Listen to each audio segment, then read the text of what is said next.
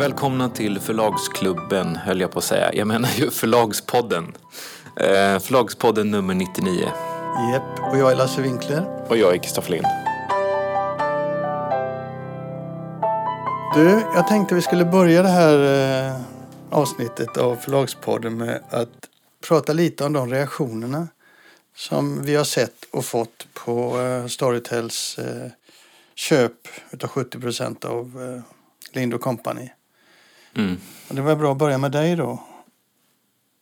Dina, din, ditt perspektiv. Jag har ju ringt runt i branschen och jag kommer ta upp det strax. Men jag vill höra hur du, vad du har sett och vad du har tänkt. Men jag tycker att eh, de reaktioner som jag har fått övervägande har varit positiva. Sen eh, kanske folk inte alltid är helt ärliga mot mig och det finns ju mycket artiga människor också i bokbranschen. Eh, Så att det är liksom lite svårt att säga men min känsla är ju ändå att det har varit oväntat positivt och framförallt så känner jag ju inför det här en oro eh, för att kanske författarna eller eh, de som jobbar på Lind Company skulle inte känna sig bekväma men de flesta verkar tycka att det här eh, är väldigt bra, att det är en logisk affär och att det kommer bli bra. Så att det, jag tycker nog reaktionerna har varit, varit över förväntan. Något som överraskat dig då? Nej, det tycker jag nog egentligen inte. Tror du att alla skulle vara så, så skicka så mycket lyckönskningar och vara så positiva innan? Verkligen. Nej, nej, det kanske jag inte trodde. Jag trodde kanske att det skulle vara lite mer. Men det har ju varit, jag har ju fått reaktioner från framförallt kanske en del oberoende förlag som tycker att det var tråkigt och nu är vi ännu färre kvar på den oberoende arenan och jag har absolut fått en del, alltså många, de flesta har blivit väldigt, väldigt förvånade. Även de som inte kanske reagerar negativt har blivit väldigt förvånade. Men jag var ju själv ganska förvånad. Ja. Hur menar du då? Sen, eh, eh, sen eh, jag, menar eftersom jag inte hade tänkt sälja förlaget. Eh, och min egen reaktion är också intressant för jag var väldigt ledsen när vi skulle skriva på det där avtalet. Men nu känner jag både en enorm lättnad och en enorm glädje. Eh, för man vet ju inte själv hur man ska reagera. Vad menar du med att du blev ledsen? Nej, inte ledsen men det var ju lite vemodigt när jag skulle skriva på naturligtvis. Eh, och eh, sådär. Men eh, man vet ju aldrig riktigt hur man ska reagera i en sån situation. Men, men eh, efteråt så kändes det väldigt bra. Men just när vi skulle skriva på sådär så kändes det som att det var verkligen ett kapitel i mitt liv som stängdes. Du, när jag har ringt runt då så har jag ju fått eh, följande tankar då. Alltså alla utan undantag var ju överraskade men det var få som var förvånade. För de fann just den här logiken i affären som, som eh, ja, de flesta har sett. Då. Sen eh, var det som du också sa, alltså väldigt mycket lyckönskningar. Och det är för att, så jag har förstått det när jag pratar med folk, det är att man har väldigt stor respekt för det arbete du har gjort. Så att man tycker att du var väl värd det här. Det blir lite för gulligt, men, men så var det. Men samtidigt som det var så, så, så fanns det en sorg och besvikelse över hur det ser ut på marknaden. Eh, och en rädsla för att man ska förlora din röst eh, som många upplever som betydelsefull. Då. Och eh, men det finns ju andra som har sagt det att nu är ett nytt kapitel, nu är du en annan människa, nu är du på en annan position i livet. Nu måste du tänka annorlunda. Men de som är kvar så att säga, de som inte har sålt sina förlag, de, de är ju osäkra också över hur länge du tänker stanna kvar. Det där är ju också en reaktion som naturligtvis många har sagt att det här är en exit och många har sagt att nu cashar han in och många har varit oroliga för att jag ska lämna. Men det har ju verkligen inte varit det som har eh, varit tanken eller är tanken och det är därför som jag tycker att det känns väldigt kul nu för att jag verkligen upplever det som att det är lite grann en ny start. Ehm, så det... Om framtiden vet man ju aldrig någonting men, men eh, jag går ju inte in med det här eh, med Utgångspunkten är ju inte att jag ska sälja förlaget utan utgångspunkten är att jag ska jobba kvar och jag har ju inte heller sålt det helt och hållet. Nej, det har du redan pratat om tidigare. Men jag tänker så här också att det, det som är intressant också det är att, att den här försäljningen har verkligen dels överraskat män- människorna i branschen men också fått dem att ställa sig frågor och fundera på, på en del saker. Till exempel, hur länge kan ett entreprenördrivet företag existera precis som det är? Jag tror att folk har tänkt sig att ja, men Lind Company kommer alltid vara det det har varit. Men det hade det ju inte varit oavsett om du hade sålt nu eller inte. Med tiden så förändrar sig saker och ting. Och hur Bakom länge... alla företag så finns ju människor, alltså Ja. så är det ju. Även väldigt stora företag. Ja, och när det gäller entreprenördrivna företag så är ju frågan också när måste man växla upp eller eh, dra ner och varför? Och de här frågorna har jag ju hört flera ställt sig lite förvånande sådär. Ja, visst ja, det finns ju inget som är givet med ett sådant företag som är entreprenördrivet. Jag, skulle, det, jag gillar inte det där ordet. Man skulle kunna säga att det finns inget som är givet med, med människor. Det finns inget som är givet med företag som drivs av människor. Nej, det kan du ju säga. Men, men, men eh, det är i alla fall de reflektionerna folk har eh, kommit med när jag har pratat med dem. Sen är det ju också en annan sak som har eh, kommit upp och det är alla, jag säger alla alltså, är förvånade över den klena och egentligen ofta obefintliga bevakningen i stora media och i, i huvudsak ytliga redovisningen av frågan. Jag vet, ja, vi pratade om du och jag innan. Jag trodde att det skulle bli stor mediebevakning som gammal journalist. Och du sa att du trodde ingen skulle ta upp det och du fick ju rätt och jag fick fel. Och jag funderar vidare lite på det där och, och jag inser ju att jag eh, jag har ju alltid gnällt på media, framförallt kulturreaktioner, för att de är så dåliga på att bevaka branschen. Handlar det inte om författarintervjuer eller författarporträtt eller bok, eh, följa bokutgivningen så är de ju väck. De är inte intresserade. Och när man såg det som hände nu, eh, DN, de hade en relativt stor notis om att Volante har fått en ny redaktör. Och Kulturradion Ja, jag, jag såg det. Ja. Jag såg det. Ja. Och, och Kulturradion då, eh, Kulturnytt på, på radion. De hade igår ett inslag om bokhandeln i Trosa som är till salu. Ja. Uh, och så tänker jag då, men vänta lite nu. Skulle ni inte kunna tänka er att fundera lite på vad den här försäljningen innebär? Jo, jo nej, men det, det, visst, är det, visst är det intressant att när Sveriges tredje största förlag säljs eh, i en affär som ju också säger väldigt mycket om branschens utveckling och strukturella förändring så skriver inte det något. Men sen när ett ganska litet förlag får en ny redaktör så blir det en notis. Eh, men eh, det, så där ser det ju ut. Det är inte så konstigt. Och, eh, Ehm, på kultursidorna, så, som du, just som du säger, så, så har man väldigt lite förståelse och intresse också för de ekonomiska aspekterna av bokbranschen. Ehm, men det är ju därför vi har bland annat den här podden, för vi tycker det är kul. De tror ju, de tror ju att bokbranschen är liksom, eh, diktsamlingar och essäsamlingar och romaner och lite nobelpristagare. Alltså jag tror att det handlar om att eh, kulturekonomi aldrig har fått eh, något utrymme på kulturredaktionerna som ju ofta består av människor som har läst litteraturvetenskap på universitetet. Aldrig några journalister eller människor som kan något om ekonomi, logistik och så vidare. Jag tycker det är synd, men det, det är inte det är liksom över hela Sverige det är så. I andra länder så, eh, jag vet när jag en gång började läsa spanska så började jag läsa tidningen El País och tittade på sporten väldigt mycket. Och då såg jag hur mm. ekonomi hade väldigt mycket med bevakning på sportsidorna. Vilket gladde mig, gjorde mig väldigt intresserad av sportekonomi och sånt. Så i andra länder så finns det sådana här tankar att det där är viktigt men i Sverige är det totalt. Nu vet jag ju att, att Svenska Dagbladet hade en lite större grej. Men affärstidningarna har sällan någonting för att branschen är för liten ekonomiskt. Det kan jag fatta.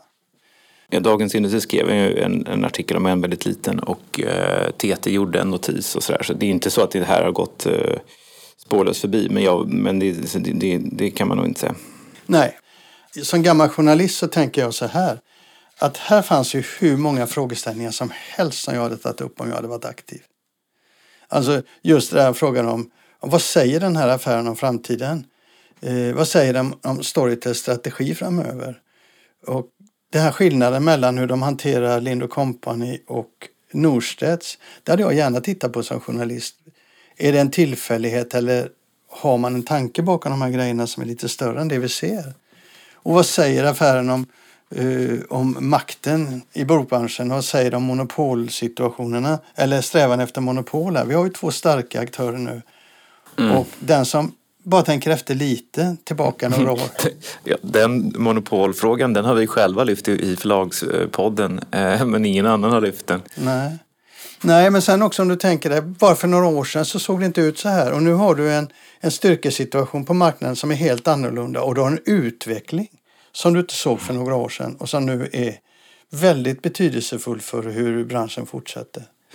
apropå det, med, det här med kultursidorna så tror jag att det finns eh, Dels handlar det väldigt mycket om att det finns eh, en, en lite skevaktig uppfattning om vad förlagsbranschen är. Alltså förlagsbranschen är ju väldigt mycket kommersiell skönlitteratur, den är väldigt mycket mycket sånt som man inte alls tänker på när man tänker på eh, förlag, litteratur, kultur. Och det är ju inte någonting som är nytt, det är ju inte någonting som har skett de senaste åren utan så har det ju alltid varit. Men eh, den här kulturjournalistidén, eller bilden av bokbranschen, den är ju den är ju väldigt lite sann. Eh, och där tror jag då kanske att ett förlag som Lind Company som är ett ganska kommersiellt förlag inte intresserar exempelvis DN Kultur. Eh, och då, då, då blir det liksom inte ens en notis trots att det är Sveriges tredje största förlag. Och jag tror också att man ibland eh, man glömmer bort, liksom, ett exempel på det där är ju också Karina Jönssons krönika i Svensk Bokhandel som hon skrev i anslutning till det här som jag tyckte var bra. Men där fanns ett resonemang kring vilka förlag är nu kvar? Vilka medelstora stora förlag finns kvar att köpa? Och så räknar hon upp de som är kvar och så nämner hon exempelvis Mondial som är ett ganska litet förlag. Men hon nämner inte ens Dukan som nu är Sveriges tredje största förlag. Och det tror jag också beror väldigt mycket på att Kan eh, för, för det första ligger i Göteborg så där finns också en geografisk distans. Eh, alla kulturjournalister bor i Stockholm med några undantag. Och sen tror jag också att det handlar om att de har en utgivning som, som eh, inte intresserar folk men de ger ut böcker som folk köper. Ja, inte intresserar det, folk är väl lite konstigt men den intresserar inte kultur... Nej, jag menar kulturjournalister. Ja. Så det finns ju, det finns ju, en, det finns ju en, en djupt rotad snobbighet i det här naturligtvis. Vi har ju pratat tidigare om eh, eh när Bonniers eh, stämde sina gamla revisorer i England. Och eh, det är inte så länge sedan. Och vi hade ett rätt långt inslag om det. Nu har vi fått tag i eh, stämningsansökan. 50 sidor engelsk eh, juridik, språk. Och eh, bitvis väldigt intressant med väldigt mycket detaljer. Så vi tänkte väl jag tänkte i alla fall att vi kanske ska ta upp lite av den här och ge lite insyn i vad det egentligen handlar om rent konkret. Mm, ja, men jag tycker det och det handlar inte om att vi ska på något sätt gräva eh, i Bonniers eh, problem utan det handlar om att det är en väldigt intressant eh, historia tycker jag. Både liksom ansvarsfrågan, liksom vem bär ansvar för den här, de här bristerna i redovisningen. Vad är styrelsens ansvar? Vad är revisorernas ansvar? Vad är ägarnas ansvar? Men också för att den ger en del liksom, intressanta inblickar i vad exakt som har hänt här och sådär. Ja, jag, jag, tycker att det är en makalös historia och en otrolig misskötsel av, ett, av en förlagsgrupp får man väl kalla det. Bonnier UK. Um, ehm, och det handlar ju, den här stämningsansökan handlar ju om vad som hände mellan åren 2013 och 2016 ja, fram till 2018 bitvis. Eh, och hela udden är riktad mot de tidigare revisorerna som ju eh, anklagas för att ha brustit extremt mycket i sin eh, bevakning utav eh, Bonniers intressen. I sin oförmåga att kontrollera kvitton, i sin oförmåga att analysera vad som, vad som skrivs i, i, i eh, bokföringen. Mm. Jag har aldrig sett en så här grov, eh, grov eh, anklagelseakt mot några revisorer tidigare. Ja, jo, men det finns ju, det fanns ju det här Prosolvia-målet i Sverige för rätt många år sedan nu som jag tror landade i förlikning. Men det finns ju såna här mål, men det är ganska sällsynt och jag tror att det är rätt svårt att vinna dem. Men, men det är väldigt ovanligt. Ja, men det, det är, den som läser den här, den här stämningsansökan ser ju till exempel en prov, eh, du får en provkarta på så här kan du göra för att manipulera en bokföring. De räknar ju upp fråga efter fråga efter fråga efter fråga där eh, ledningen för bolagen har misskött sig och där revisorerna inte har sett vad som har hänt. Till exempel så, så pekar man ju på det faktum att eh, Flera av bolagen var alltså konkursmässiga i flera år utan att revisorerna reagerade eller markerade. Och det är ju anmärkningsvärt. Det är ju väldigt grovt. Mm. Alltså, eh, de, de upptäckte, det var ju lite intressant, sättet som de upptäckte på att någonting inte stod rätt till, det var att de eh, noterade en ganska stor skillnad i kassaflöde. Det var alltså, eh, kassaflödet var väldigt negativt samtidigt som siffrorna såg ganska bra ut. Eh, och det, det, rör sig om då totalt sett ungefär, som, jag förstår, som, som det står i den här stämningsansökan, eh, en miljard svenska kronor som, som eh, kassaflödet diffade mot resultatet. Ja, det var ju 2017 som det bara sprack allting. Man såg att eh, det var så otroligt mycket som inte stämde. Men eh, grunden till det här, grunden till att det blir så här, eh, Bonniers. Bonniers har ju en viss strategi när de eh, bygger upp sina bokförlag och det är inte den här strategin vi ser här. Men Bonniers hade ju så länge testat att bli stora i Storbritannien och inte hade klarat växa naturligt så att säga. Utan man började eh, 2014 på hösten så bestämde man sig för att nu skulle man satsa på en eh, rätt aggressiv tillväxtstrategi. Och, och, i den ingick då att köpa flera förlag och att satsa på bokrättigheter, att ge stora förskott och så vidare. Och det gjorde man. Man satsade, man, man, man betalar ut i kostnader på ungefär 400 miljoner i syfte att eh, växa starkt, snabbt och etablera sig som en betydande aktör på Storbritannien. Och när man gör det, normalt sett så krävs det ju att man har ett förlag då som har stor omsättning. Och det hade mm. ju inte, det hade ju inte Bonnier UK. Och då Nej. måste man balansera de här utgifterna i bokföringen. Och då brukar det handla om goodwill och, och annat sånt här som man, man eh, fyller på med som ska balansera förlusterna så att det inte ser illa ut. Um, så det var ju de här bokföringstrixandet som nu kommer upp då. Men då ska man ju veta samtidigt när man tittar på de här grejerna och eh, man läser den här, eh, den här anmälan då, den här stämningsansökan så är den riktad mot revisorerna och udden är också riktad mot förra vdn eh, Richard Johnson som ju lyfts fram som en eh, ja, nästan kriminell i sin hantering av eh, bolaget när det mm. gäller hans egna utgifter och så. Vi har ju talat om det här tidigare och det har stått om det i The Bookseller har ju stått ganska mycket om den här stämningen och sådär och det, det, har ju inte egentligen framkommit, det framkommer inte så mycket nytt av den här stämningsansökan än vad vi redan har känt till. Men jag tycker nog detaljerna kring Richard Johnsons personliga agerande, framförallt kring till, till, till de här personliga utgifterna han har som han låter Bonnier betala, de är ganska eh, talande och som du säger, det är ett beteende som är bedrägligt, kanske nästan, nästan olagligt. Eh, och det, jag ska ge några exempel på det, men jag tycker också att det är eh, du talade lite tidigare, var du inne på så här, vem har ansvar, ägaransvar och ledning, styrelse och sådär. Har man en, en verkställande direktör eh, i ett dotterbolag som medvetet och skickligt manipulerar siffror eh, så kan det vara väldigt svårt att upptäcka och det är ju därför som revisorernas roll är viktig för att skydda aktieägarna och ägare och sådär. För att man ska veta att det kunna gått rätt till. Och här är ju då Richard Johnsons beteende så bedrägligt så att eh, det är ju jättesvårt för, för en ägare i ett annat land att ha koll på, på vad som händer. Det värsta tycker jag nog är det här, han, han eh, fakturerar då eh, bonus till sig själv eller han utbetalar bonus till sig själv som inte är då förankrad hos styrelse eller styrelseordförande eller någonting sånt. Och han fakturerar också konsult, alltså han, han säljer konsulttjänster till sig själv som han attesterar själv. Han skriver på fakturan att det är då för konsultuppdrag som han har i Australien och USA. Mm, trots att det jobb som han utför i Australien och USA det omfattas av det avtal han har och att då betala ut via ett bolag från sidan, konsultavgifter till sig själv, det är ju närmast bedrägeri mot huvudman skulle jag säga. Mm. Eh, och när man håller på att trixa på det sättet så, så blir det ju eh, väldigt svårt. Och där hade revisorerna då ställt en fråga kring exempelvis någon av de där utbetalningarna och eh, Jonsson hade svarat på något helt annat. Sen hade revisorerna nöjt sig med det och det lyfter då Bonnier fram som ett exempel på hur de har brustit i, i ansvar. Sen finns det ju massor av sådana här, han har ju alltså haft dåligt omdöme också och åkt jättemycket helikopter. Rätt roligt kan man tycka. Men väldigt mycket helikopter har han åkt. Och han har eh, massor av alltså, privata semesterutlägg för liksom, hundratusentals kronor eh, som han aldrig kan redovisa kvitton på. Och, han får, och Bonnie får betala hans städavgifter och hans telefonavgifter och även hans frus telefonräkningar. Så det, är ju en, det, det finns ju en, en, en, det där är ju små poster naturligtvis men, men det säger rätt mycket om karaktären man får ha lite perspektiv här också. Richard Jonsson var anställd hos eh, Bonnier i många, många, många år. Också innan han blev så här vd för alltihop. Och han var väldigt expansiv, väldigt, väldigt expansiv i sitt sätt att vara chef.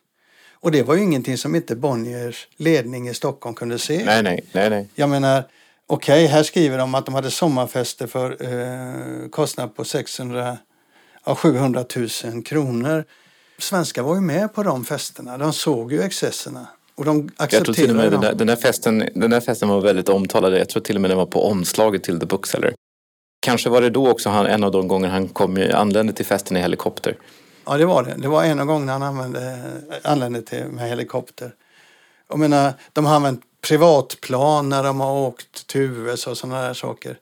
Eh, med, med svenskar ombord. Och det där, de där kostnaderna, det är inte som vanliga förlag gör. Det där har man ju sett i Stockholm. Och man har ju funnit det, möjligtvis har man har funnit det konstigt, men man har accepterat det i många, många år. Mm. man ska också veta att när du bestämmer dig för en strategi, och här tycker jag att man har ett ansvar i Stockholm. Du bestämmer dig för en tillväxtstrategi som är så aggressiv. Och du bestämmer dig då för att eh, hantera förlagen på ett visst sätt. Du eh, har, har, ett visst, eh, du har ett visst sätt att eh, aktivera de här kostnaderna som det heter. Och du har ett visst sätt att skriva av eller skriva ner de här kostnaderna. Och det finns många sätt att göra det på. Och de sätten som, som ledningen i Storbritannien använde sig av, de fick koncernrevisorerna att reagera i Stockholm. Så de var på, både Jakob Dahlberg och Maria Kurman, att det här måste ni ta hand om, ni måste ändra på det här, så här kan det inte vara. Och man pratade om det i flera år. Så man var väldigt medveten i Stockholm om att det var lite tufft i den här eh, situationen i den brittiska organisationen. Jo. Men man tog en chans. Man, man trodde att man skulle hinna fram och växa så mycket så att man kunde få eh, utrymme för att eh, plocka bort de här eh, kostnaderna, plocka bort de här, det som tyngde förlaget. Man visste mycket väl att man hade köpt på sig för mycket.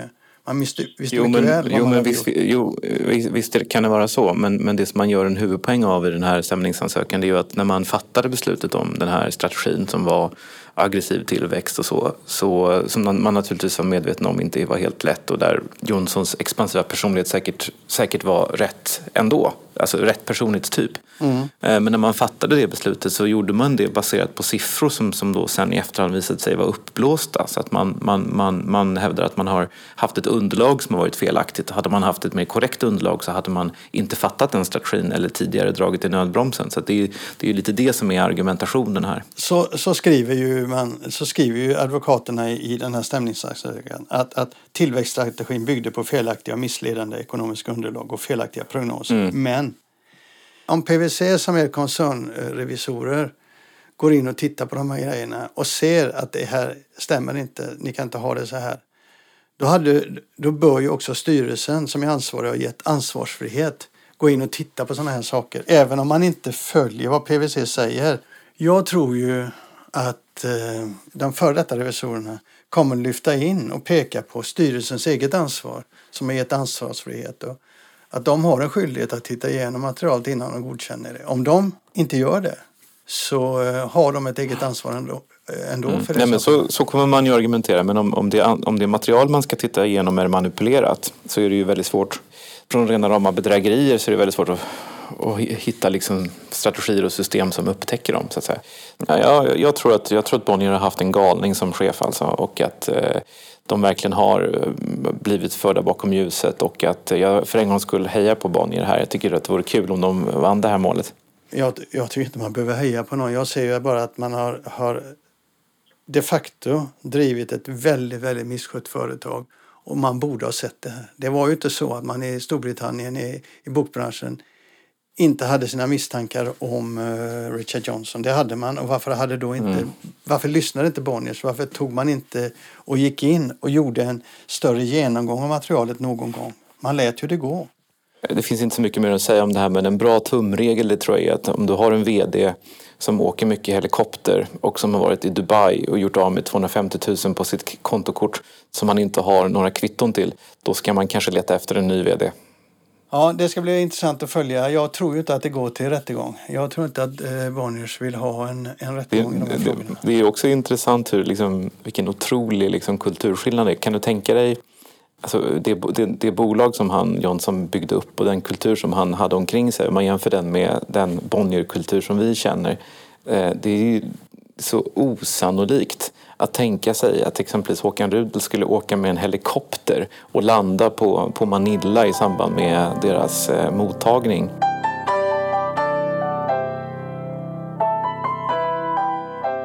Vi talade tidigare i podden eh, lite grann om hur mycket en bok släpper ut och vilket avtryck som, eh, som ett förlag gör och sådär. Och jag berättade om att vi hade satt igång ett miljöarbete och nu är det arbetet klart och det finns en rapport som jag har framför mig här som heter Lind Company och klimatet.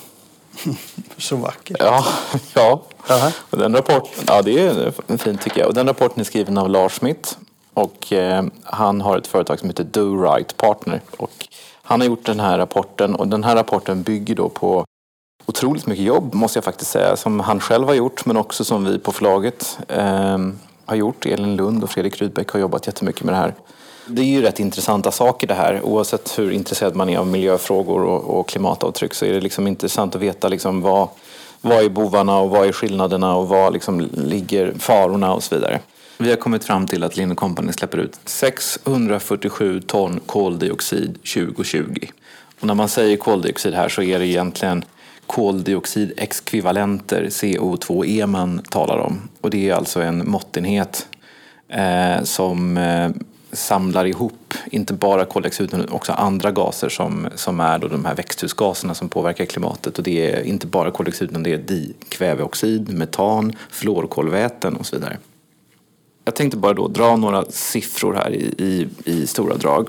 Under 2020 så tryckte Lind Company 807 000 böcker och vi sålde 762 000 böcker. Vi sålde 2,8 miljoner digitala böcker under samma år. Trots då att de digitala antalet konsumerade böcker är betydligt större än de tryckta så står de tryckta böckerna för tre fjärdedelar av förlagets utsläpp. Så det råder ingen tvekan om att det är de fysiska böckerna som skapar det största klimatavtrycket. Det här har vi tidigare talat om. Och du var ju väldigt mycket inne på att eh, streamingtjänsterna med sina stora serverhallar är mycket större miljöbovar än vad man tror. En genomsnittsbok från Lind Company ger upphov till ett koldioxidutsläpp på 598 gram och en ljudbok släpper ut en tiondel så mycket, 59 gram. Alla de här siffrorna är ju uppskattningar som ibland kan vara ganska exakta. Alltså vi vet ganska exakt vad en pocket, kost, vad en pocket ger för utsläpp. Det är 136 gram. Eh, en inbunden svartvit bok som trycks på Scanbook ligger på ungefär 359 gram. Men sen blir det lite komplicerat med fyrfärgsböcker och inte minst då de som är transporterade från Asien. För där jobbar vi med schabloner. Alla tryckerier vill inte, kan inte ge oss information och underlag så vi har utgått från de som vi har fått underlag ifrån och då kommit fram till att de ligger ungefär på 1,6 kilo. Så det är väldigt stor skillnad där. En annan intressant sak det är liksom att man man eh, jobbar ju mycket med policies, man försöker kanske minska på flygresorna och sådär. Men eh, om man tittar på liksom hur stor andel av våra utsläpp som kommer från flygresor, förlagets ganska stora kontor, arbetsplatspendling, alltså resor till och från arbetet, marknadsföring och resor, så står de för eh, under 2 procent. Så det är en väldigt, väldigt liten del. Så det, ska, man, ska man försöka minska sitt, sina utsläpp så handlar det väldigt mycket om, eh, eller nästan uteslutande om, att eh, antingen sälja färre böcker eller, vilket är mer konstruktivt, försöka få energiåtgången att komma från mer natur, eh, naturkällor. Det är där som, det är där som de stora liksom, effekterna kan finnas. Vad ska du göra med den här, med den här eh, rapporten nu då? Tanken är då att vi ska klimatkompensera för de här 670 tonnen. För övrigt kan jag säga att det är, vi har också lagt på en säkerhetsmarginal. Våra våra beräkningar är att vi ligger på 588 ton. Sen har vi lagt på 10 procent, 59 ton. Så 647 ton är en avrundning uppåt. Nej, men dels tanken att vi ska klimatkompensera, men det är ju egentligen en mindre sak. Utan vi har ju gjort det här för att lära oss lite grann hur det ser ut, eh, var utsläppen finns och vad man kan göra för att minska dem. Så att det, själva arbetet i sig skulle jag säga har ett självändamål på det sättet. För att hade man bara liksom fått den här informationen av någon annan så så eh, insamlingen och sammanställningen i sig har varit väldigt lärorik. Eh, jag tänkte att vi ska lägga upp den här på förlagets hemsida så kan folk som är intresserade ladda ner den.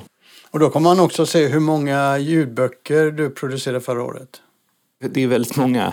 Det är 700 ljudböcker men den stora mer, merparten där är ju inte för Sverige. Och eh, av de 700 ljudböckerna så de flesta har ju inte heller släppts under året. När vi har räknat på eh, de digitala böckernas avtryck så har vi både räknat på våran kostnad, eller vårat, eh, på vår sida, det vill säga vad de släpper ut i samband med att vi spelar in dem.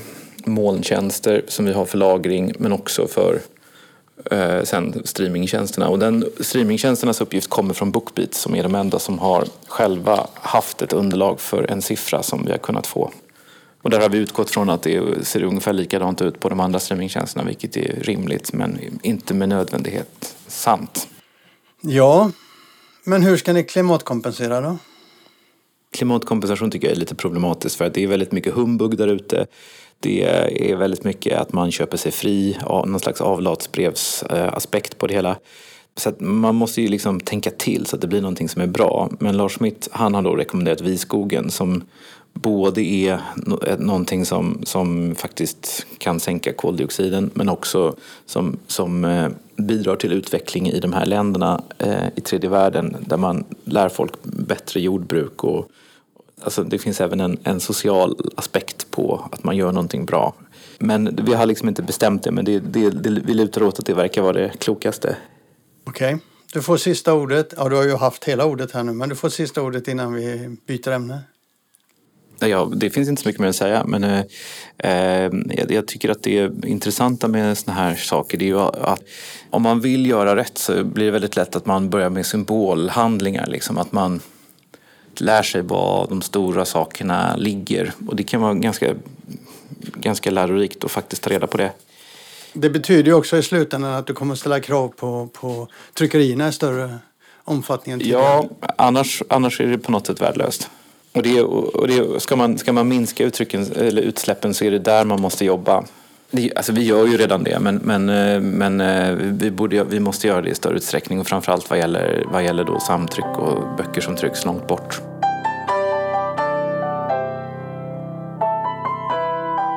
Ett sista litet ämne, kort ämne eh, då.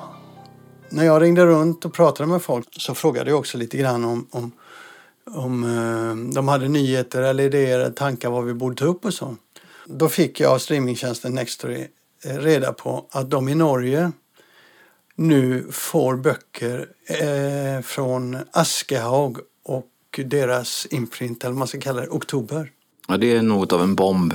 Ja, det är en bomb. Nu blev vi inte först med det eftersom vi kommer ut eh, om några dagar utan den kommer väl att, eh, tror jag, nästan explodera i Norge på, i helgen. Och varför det är en bomb det är för att den norska marknaden ser ut så att den är uppdelad på två stycken tjänster och de har i stort sett inga gemensamma böcker. Så att kommer man ut på, på Askehaug och Gyllendals plattform som heter eh, Fabel eller kommer man ut på eh, Kapellen Dam och Storytels plattform som heter Storytel så kan man i huvudsak eh, utgå från att de har sina egna böcker. Det är några mindre förlag som finns på båda. Och det har varit låst. Och eh, de som har försökt bryta upp det här har ju slagits tillbaka stenhårt. Och så kommer då Nextor in på den norska marknaden. Och de fick ett avtal direkt med Storytel och Damm. Och nu får de Askau. Och de är första tjänsten som går mellan de här två. Mm. Och det är en sån stor sak. Så att det bör betyda att Askahag har tagit ett beslut att de vill bryta sönder situationen. Jag har svårt att se på något annat sätt.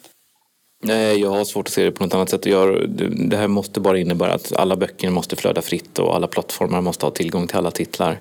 Annars blir det ju helt orimligt och det gäller ju även Storytel. Ja, Storytel blir ju, kommer ju att agera i det här fallet för de kan ju inte acceptera att eh, en konkurrent sitter med mycket, mycket mer, mycket mer böcker än vad de gör.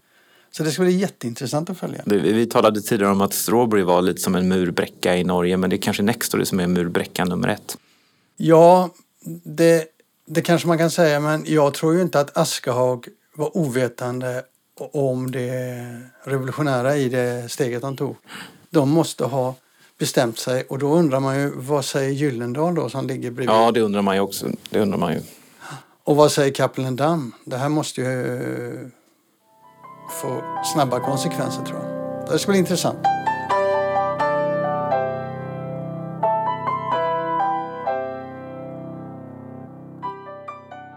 Och det var allt för avsnitt 99 för den här gången. Vi hörs eh, nästa vecka och då är det avsnitt 100. Det är lite jubileum. Mm. Äntligen så som vi har tjatat, eller hur? Ja. Okej, vi hörs. Yes. Hej då! Hej då.